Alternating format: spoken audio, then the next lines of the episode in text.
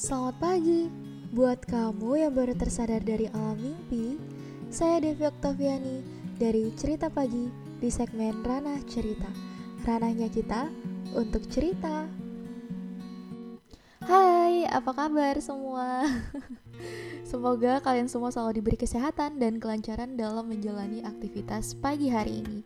Wow, so talking my podcast guys. So sorry banget ya buat teman-teman yang nanyain kali ini mana nih podcastnya? Kok belum upload upload gitu. Kayak eh podcast lu udah mati gak sih? Gitu. Lu kenapa sih jarang banget upload? Gitu. Dan pertanyaan-pertanyaan lainnya uh, tentu aja banyak banget alasan dibalik kata mager gue ya. Tapi ya udahlah yang kita nggak usah bahas kenapa kenapanya karena ya pasti kalian udah paham sih. Gimana nih? Pagi ini udah diingetin sarapan sama ayang belum gak punya ayang. Ya ampun ya udah. Jangan lupa makan. Karena kali ini biar gue yang ngingetin kalian untuk charger energi full biar ngejalanin aktivitas pagi hari ini dan bakalan lebih semangat lagi gitu buat ya ngerjain banyak hal. Nah kali ini cerita pagi hadir selain buat ngingetin kalian yang para jomblo nih buat makan. Hari ini cerita pagi hadir untuk membahas pendidikan bagi sosok perempuan seperti yang kita lihat nih ya, budaya patriarki di Indonesia itu amat sangat kental banget, bahkan sampai sekarang. Khususnya mungkin di daerah pedalaman yang masih menganggap bahwa pendidikan bagi perempuan itu masih dianggap belum menjadi suatu kebutuhan yang penting nih. Sosok perempuan hanya dianggap sebagai figur pelengkap bagi sosok laki-laki yang selalu dianggap sebagai figur penting atau sentral gue tahu sebenarnya udah banyak banget pasti yang membahas tentang permasalahan ini dan case ini. Mungkin ya gue merasa kayak topik ini tuh masih harus menjadi concern gitu gak sih? Harus menjadi highlight gitu di masyarakat. Dan gue harap akan ada insight juga yang bisa kalian uh, dapat dan bisa kalian ambil dari pembahasan kita pagi hari ini nih so sebelum gue nyampein opini gue Kali ini gue bakalan ngebacain nih opini dari teman-teman mengenai seberapa pentingnya pendidikan bagi perempuan yang udah gue ajuin di question box Instagram. So kita mulai dari first opinion ada dari @nisa_anin underscore. Hai Kak Anin, kalau menurut Kak Anin nih ini tuh penting banget. Perempuan harus cerdas karena dunia terlalu keras kalau cuma ngandelin cantik doang sis. Wah keren banget sih. Ini kayak savage banget gitu loh vibesnya. Wah bener sih. Gue juga setuju banget.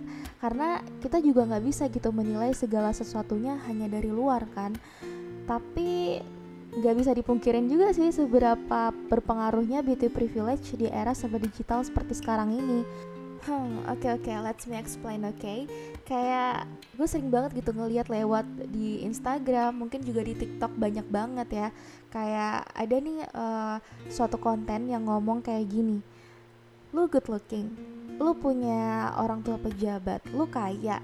Kalau lu punya salah satu di antara tiga itu, ya hidup lu ya aman-aman aja gitu. Huh, so what do you think about it? Kalau gue mungkin nggak bisa ngomong di sini karena pastinya bakalan panjang kali lebar. Tapi mungkin kita bisa untuk bikin jadi satu episode maybe. Hmm, so kita lanjut aja dulu ke next opinion. So opini kali ini datang dari Habibi at Abi menurut dia sangat penting karena dia yang akan menjadi madrasah pertama bagi anaknya. Kalau ini udah no debat sih, udah pasti banget ya. Karena udah jelas bahwa sosok manusia pertama yang akan mengajarkan banyak hal bagi anak seperti merangkak, berjalan, berbicara, kemudian uh, terus bertumbuh dewasa pastinya akan banyak banget hal-hal yang akan diajarkan kepada anaknya. Dan udah pasti itu adalah orang tuanya terlebih sang ibu yang mengandung dan melahirkannya. So kita langsung lanjut ke next opinion dari Instagram at Indra Kurniawan dan ini adalah opini terakhir yang lumayan cukup panjang ya karena ditulis lewat DM juga so gue akan bacain Menurut Indra sendiri itu amat sangat penting karena perempuan memiliki peran yang sangat penting di keluarga mereka suatu saat nanti. Mulai mereka menikah dan mengurus rumah tangga, tetapi tetap membutuhkan pengetahuan atau wawasan yang mumpuni. Dengan bekal pendidikan yang cukup tadi atau bahkan tinggi, seorang perempuan bisa lebih siap menghadapi segala tantangan ataupun masalah di depannya. Perempuan dengan pengetahuan yang luas juga akan lebih siap bila suatu saat nanti dihadapkan pada kemungkinan-kemungkinan yang tidak menyenangkan. Dan yang membuat gue setuju bahwa pendidikan itu sangat penting bagi perempuan adalah dengan pengetahuan yang luas dan berpendidikan tinggi, mereka bisa lebih cerdas dalam menyikapi segala sesuatu dengan pikiran yang tenang, logika yang bisa lebih diterima, dan kebijaksanaan yang lebih matang. Tujuan gue bukan untuk mendiskreditkan wanita yang tidak memiliki jenjang pendidikan yang tinggi, hanya mengajukan opini gue aja. Dan itu dia opini dari Indra Kurniawan nih. Wah, gue benar-benar setuju sama pendapat dari Indra Kurniawan dan juga teman-teman lainnya menurut gue apa yang udah gue pengen sampein di podcast ini udah tersampaikan banget gitu dengan adanya opini-opini dari teman-teman. Dan tujuan gue juga untuk membahas pembahasan ini di podcast kali ini nggak ada sama sekali tujuan untuk mendiskreditkan perempuan yang tidak melanjutkan pendidikannya karena gue amat sangat paham pasti setiap orang memiliki prioritas serta kemampuannya masing-masing. Karena untuk mendapatkan suatu ilmu atau pembelajaran gak mesti harus dari pendidikan yang formal dan ya karena gue juga punya banyak banget sebenarnya teman-teman yang memutuskan untuk berkarir dan tetap terus menekuni hobi-hobinya mereka dan gue amat sangat bangga akan hal itu. So semangat terus buat kalian perempuan-perempuan yang lagi berjuang. Dan berbicara tentang pendidikan nih Jujur aja gue merasa amat sangat cukup beruntung dan amat sangat bersyukur dengan privilege yang udah gue punya sekarang Yaitu salah satunya adalah dapat menempuh pendidikan di perguruan tinggi Mungkin banyak anak-anak di luar sana yang pengen untuk terus bersekolah dan meneruskan pendidikannya, namun ya terhalang oleh suatu keadaan yang memaksa mereka akhirnya untuk tidak melanjutkan sekolah. Mungkin juga terkhusus pada perempuan, ada banyak banget yang gue lihat orang tua-orang tua di luar sana yang masih beranggapan bahwa anak perempuan itu gak mesti untuk memiliki jenjang pendidikan yang tinggi.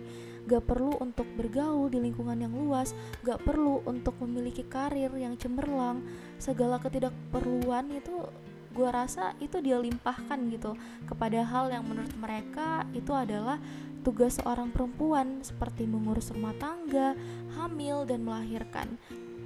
Jujur aja juga terbelakang dari kedua orang tua gue juga bukan dari orang tua yang punya pendidikan yang tinggi, tapi ya cuman S3 bokap gue cuman bisa lulus sampai S3 SD SMP dan SMA dan nyokap gue cuman bisa lulus S2 yaitu SD dan SMP bangga tentu gue amat sangat bangga akan hal itu secara gue anak pertama yang di mana gue bisa melihat proses tumbuh dan berkembangnya mereka. When they start everything from zero, starting from the first time you wonder, tinggal di rumah kontrakan yang kecil, bahkan gue juga menyaksikan ketika kita akhirnya bisa beli rumah dan bangun rumah yang so comfy gitu buat keluarganya. Dan ya I'm proud of my parents gitu. Kayak gue amat sangat beruntung dan amat sangat bersyukur akan hal itu. Berbicara tentang pendidikan perempuan nyokap gue termasuk orang yang harus putus sekolah gitu karena harus menikah di saat dia masih berusia 16 tahun serta harus mengandung gue di usia yang masih amat cukup remaja yaitu 17 tahun. That's why kenapa mungkin itu yang ngebuat gue ngerasa harus lebih semangat lagi gitu dalam menuntut ilmu dalam improve myself karena gak semua orang gitu beruntung seperti gue dan bisa melanjutkan pendidikan mereka. Dan dari data yang gue dapat juga dari Badan Pusat Statistik atau BPS juga pada tahun 2020 itu tercatat sebanyak 15,24% pernikahan anak itu terjadi di wilayah pedesaan dan 6,82 persennya berada di perkotaan apalagi saat pandemi ya. Saat ketika pandemi meningkat justru Direktoral Jenderal Badan Peradilan Agama juga itu mencatat ada lebih dari 34 ribu dispensasi pernikahan sepanjang Januari hingga Juni 2020 dari jumlah yang disebutkan sebelumnya angka anak di bawah umur yang mengajukan kompensasi itu justru lebih dari 60% dan bahkan sebagian besar adalah perempuan bahkan dari sumber yang gue baca juga dari bloomberg.com kenaikan angka putus sekolah pada anak perempuan itu dianggap guna mengurangi beban keuangan keluarga. Wah gimana guys menurut kalian? Gue amat sangat prihatin dan benar-benar sedih sih ketika baca-baca berita seperti ini. Karena ya itu tadi menurut gue ini harus masih menjadi konsen atau highlight gitu loh di masyarakat ya bukan hanya di Indonesia aja tapi juga beberapa negara di Asia. Menurut gue patriarki dan kurangnya kesadaran akan pentingnya pendidikan itu masih amat sangat berpengaruh gitu bagi pertumbuhan taraf hidup suatu masyarakat. Dan semakin banyaknya pernikahan dini itu tadi maka menurut gue semakin meningkatkan populasi penduduk dunia jika tidak diimbangi dengan pendidikan dan ilmu pengetahuan pastinya amat sangat uh, memungkinkan jika terjadi kelonjakan kasus pengangguran bahkan kemiskinan. Begitulah rotasi itu akan terus berputar hingga suatu generasi ke generasi. Terus kapan dong memajunya? Bahkan perempuan yang berprestasi aja tuh masih suka di underestimate gitu bahkan didiskriminasi even to have dreams and ambitions aja masih dianggap melawan tradisi patriarki yang masih kental juga itu kerap kali ya jadi kayak suatu pemicu dengan memprioritaskan pendidikan bagi anak laki-laki atau seperti mengkotak-kotakkan porsi pendidikan bagi anak laki-laki dan anak perempuan mereka itu dengan berbeda-beda gitu.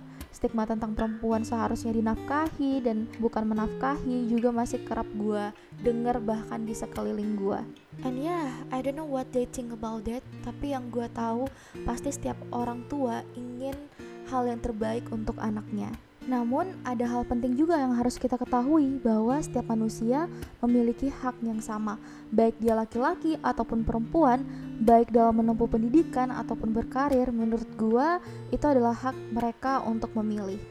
Oh ya, terakhir gue pengen ngebahas sedikit nih tentang Maudi Ayunda yang kemarin sempat jadi trending topik juga di Twitter karena baru aja melangsungkan pernikahannya. I'm happy for them karena gue lihat banyak banget ya gue ngebacain gitu twitter twitter dari netizen yang bilang dari mau di Ayunda kita belajar bla bla bla. Dari mau di Ayunda kita belajar sebagainya. Dan ya gue harap dengan banyaknya twitter dari netizen itu tadi akan semakin meningkatkan tingkat kesadaran masyarakat kita bahwa pasti kita akan dipertemukan juga gitu dengan seseorang yang sama dengan kita. Have the same thoughts dan bisa balance antara satu sama lain. Jadi menurut gue nggak ada gitu yang perlu dikhawatirkan tentang perempuan yang memutuskan untuk terus bersekolah memiliki pemikiran yang cerdas atau memiliki karir yang cemerlang So guys, so thank you banget buat kalian yang udah mau dengerin podcast ini dari awal sampai akhir. Buat kalian yang suka podcast ini, kalian bisa langsung share ke sosial media kalian. Kalian juga boleh banget nih buat kirim opini kalian tentang suatu problem ataupun buat kalian yang pengen berbagi cerita ke podcast cerita pagi, kalian bisa langsung aja kirim DM ke Instagram @ceritapagipodcast. So, gue Devi Oktaviani undur diri. Bye bye.